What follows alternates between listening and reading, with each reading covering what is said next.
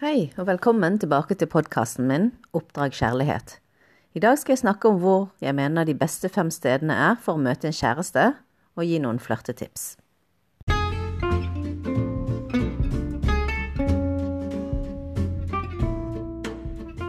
Denne podkasten handler om kjærlighet.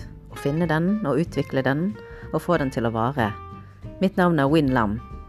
Jeg ser på meg selv som en utforsker i kjærlighetens kronglete irrganger jeg har vært gift, jeg har vært skilt og datet i årevis før jeg fant mannen i mitt liv.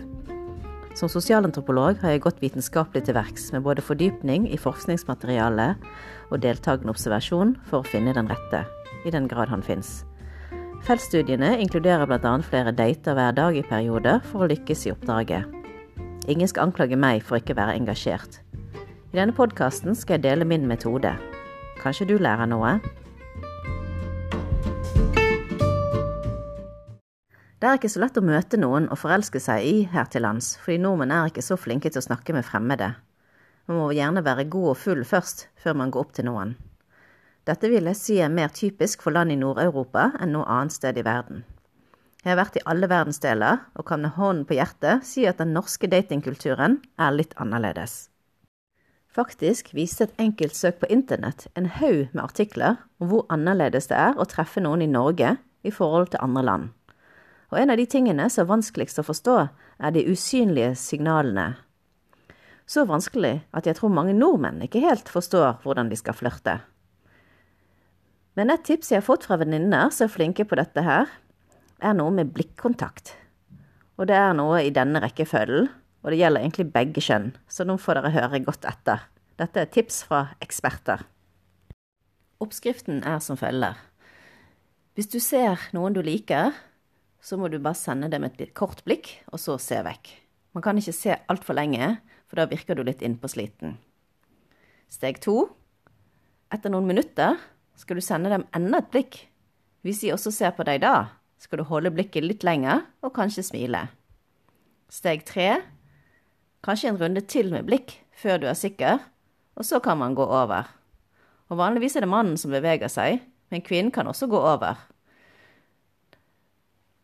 Denne prosessen er definitivt annerledes enn i andre land, der du kan bli invitert på kaffe eller en drink bare ved å gå på gaten.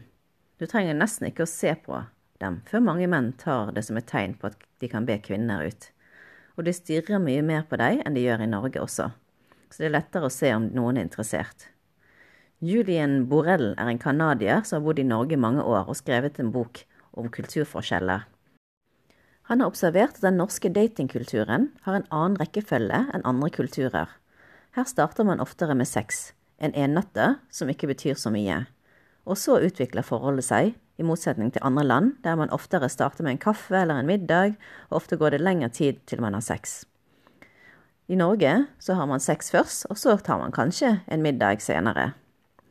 Dette er knyttet til den norske likestillingsmodellen, og det at tilfeldig sex ikke er så stigmatisert som i mange andre land. Men dette er noe som gjør at mange utlendinger som kommer til Norge, blir veldig forvirret. Men her må jeg si at man ikke på død og liv må ha sex første gang man møter noen. Faktisk tenker jeg at det kan være lurt å vente litt, men det skal jeg gå nærmere inn på i en annen episode. Ok, så hvor kan vi benytte seg av denne flørtemetoden? Hvor kan man møte noen man kan flørte med? Kanskje det beste stedet å møte noen er under utdanning eller jobb.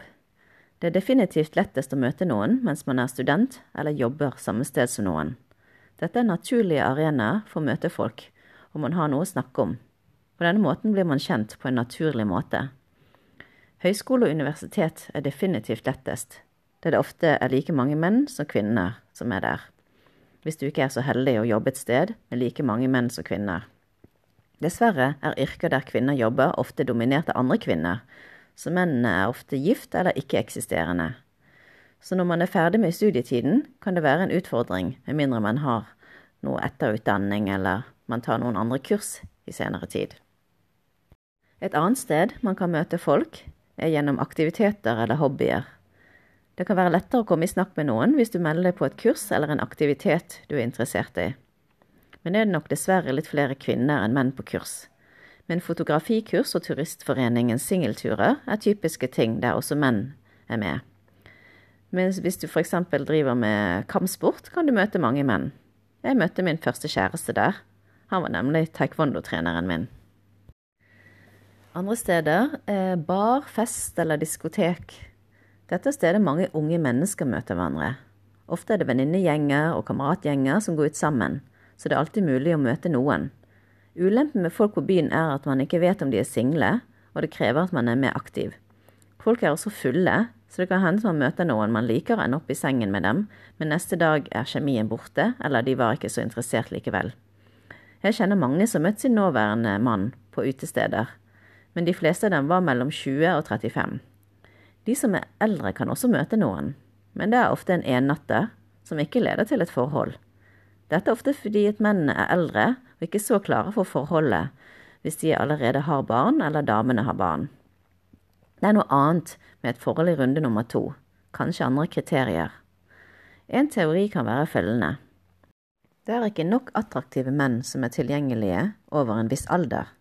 Grunnen til dette kan henge sammen med at Tidsskrift for velferdsforskning i 2019 skrev at nesten én av fem menn har ikke fått barn når de er 50 år.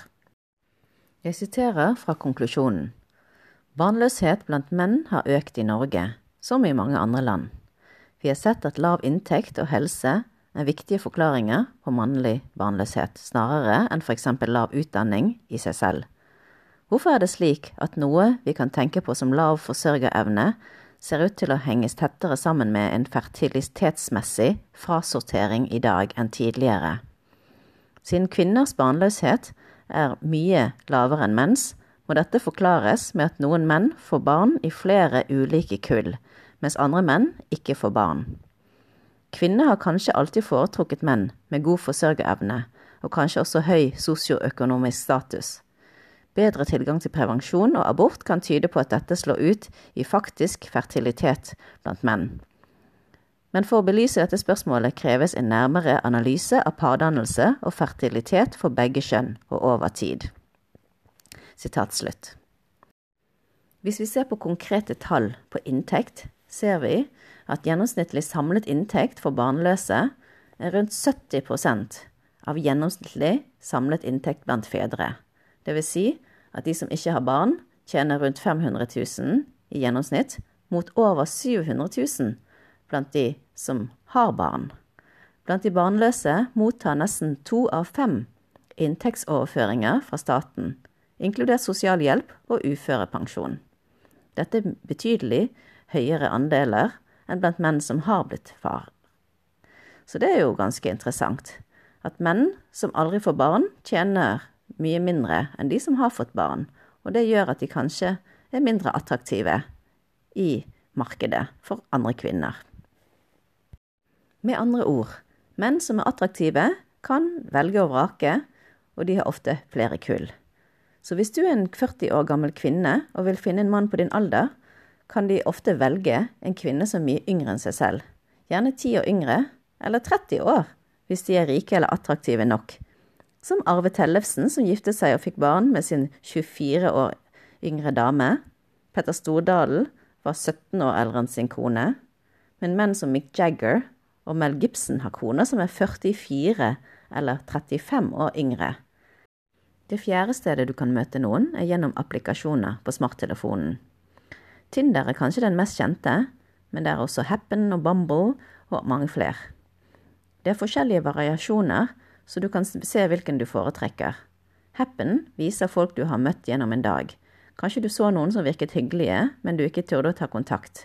Med Happen kan du det. Det er lettere, fordi du bare kan sende dem en melding, og avvisningen kommer ikke ansikt til ansikt hvis de ikke er interessert. Bumble er en versjon der kvinnen må ta det første steget. Tinder består av bilder der du kan sveipe til høyre eller venstre, avhengig om du liker utseendet deres eller ikke.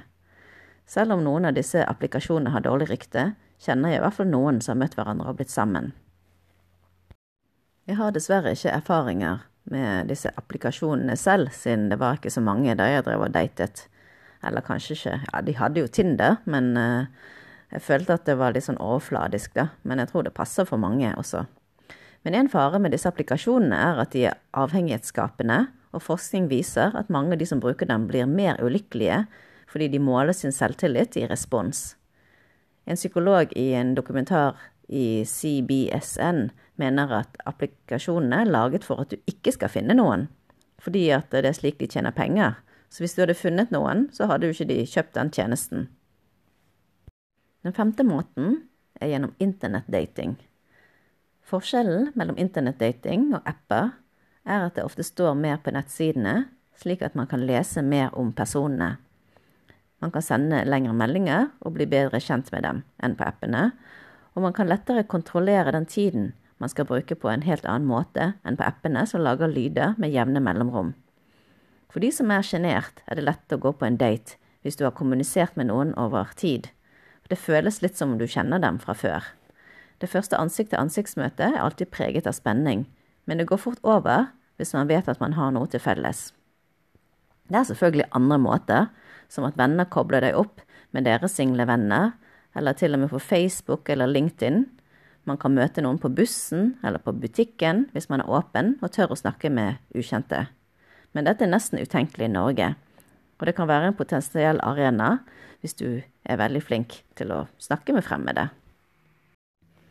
Nå sa jeg tidligere at det er lettere å finne noen hvis du er under 35, men jeg tror definitivt at man kan finne noen når man er eldre også, hvis man er litt smart. Et forhold i runde nummer to kan ha mange fordeler, fordi man ikke trenger å tenke på å få barn.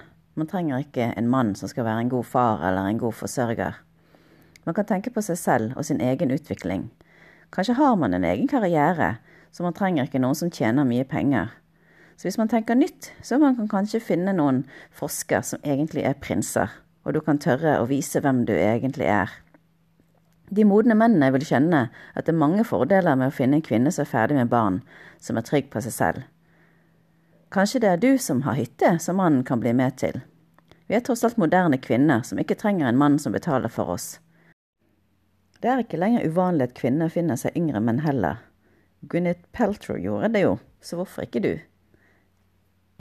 En kort oppsummering av denne episoden er for å finne potensielle kjærester må du se på følgende steder. 1. Jobb, utdanning. 2. Hobby, interesse, aktivitet. 3. Utesteder, fester, puber. 4. Apper. 5. Internett. Og husk blikktipset. Og når du er på daten, vær deg selv. Men kanskje den beste versjonen av deg selv. Så hvis du vil finne noen, må du bare velge en arena og hoppe i det. Dessverre så faller ikke de ned fra himmelen av seg selv. Har noen av dere som lytter forslag til andre steder man kan møte en potensiell kjæreste? Skriv en kommentar på Facebook-siden til Oppdrag kjærlighet.